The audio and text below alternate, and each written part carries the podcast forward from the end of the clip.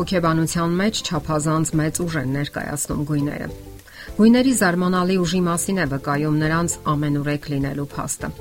Բնության գրկում գտնվելիս փորձենք նկատել, թե որքան ճիշտ եւ նուրբ է մայր բնությունը բաշխել հազարավոր երանգներ։ Իրոք հրաշք է։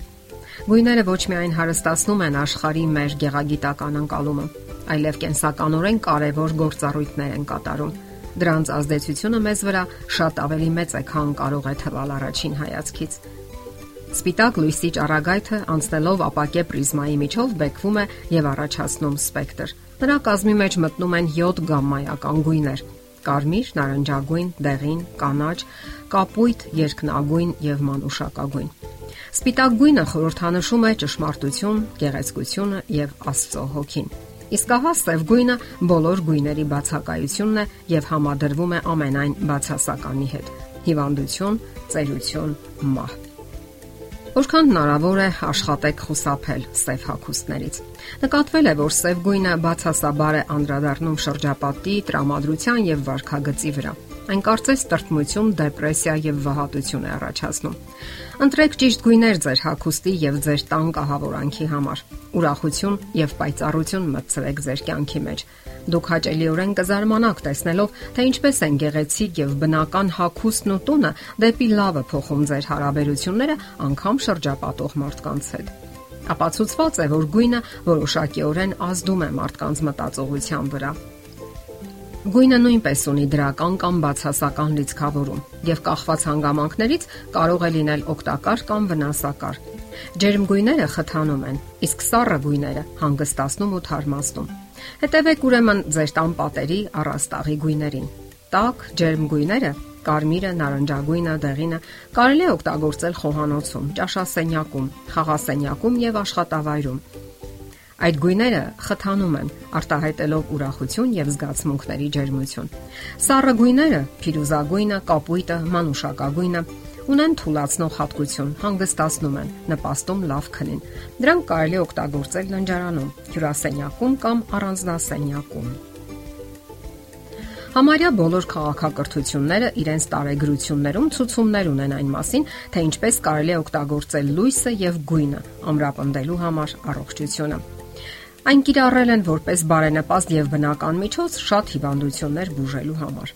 Հիշենք, որ հիվանդությունը մարմնի ներդաշնակության եւ հավասարակշռության խախտումն է կապված ամենատարբեր գործոնների հետ։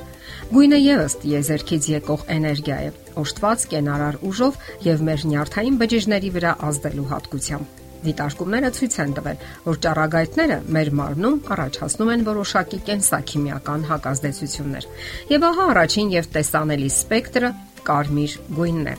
Չնայած որ կարմիրի տատանումների հաճախությունը մեծ չէ, այն առաջ է բերում հոգեկան վերելք։ Խթանում կենսական գործընթացները, նպաստում էներգիայի պորտկմանը, կարգավորում սեռական օրգանների ֆունկցիաները, թեև անգիտակցորեն առաջացնում է տագնապ, անհանգստություն, քանզի զուգորդվում է արյան հետ։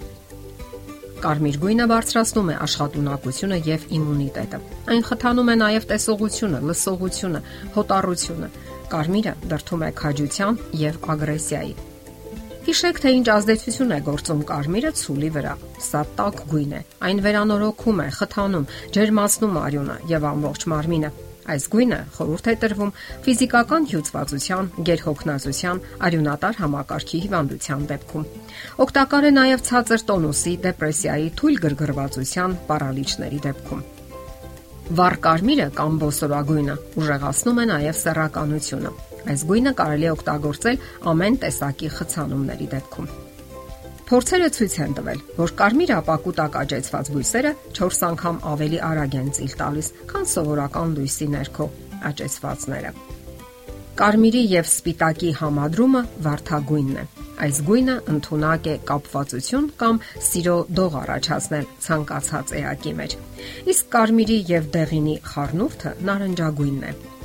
Այն օգնում է լիցքավորելու մարմինը նոր էներգիայով եւ միանգամայն անփոխարինելի է մարմնի ցածր տոնուսի եւ անտարբերության դեպքում։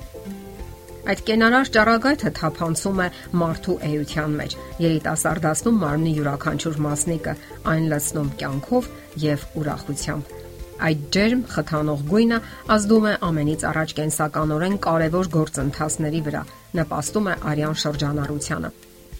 Այն օգնում է մարսողությանը, բարենպաստ է ներգործում փայծախի վրա,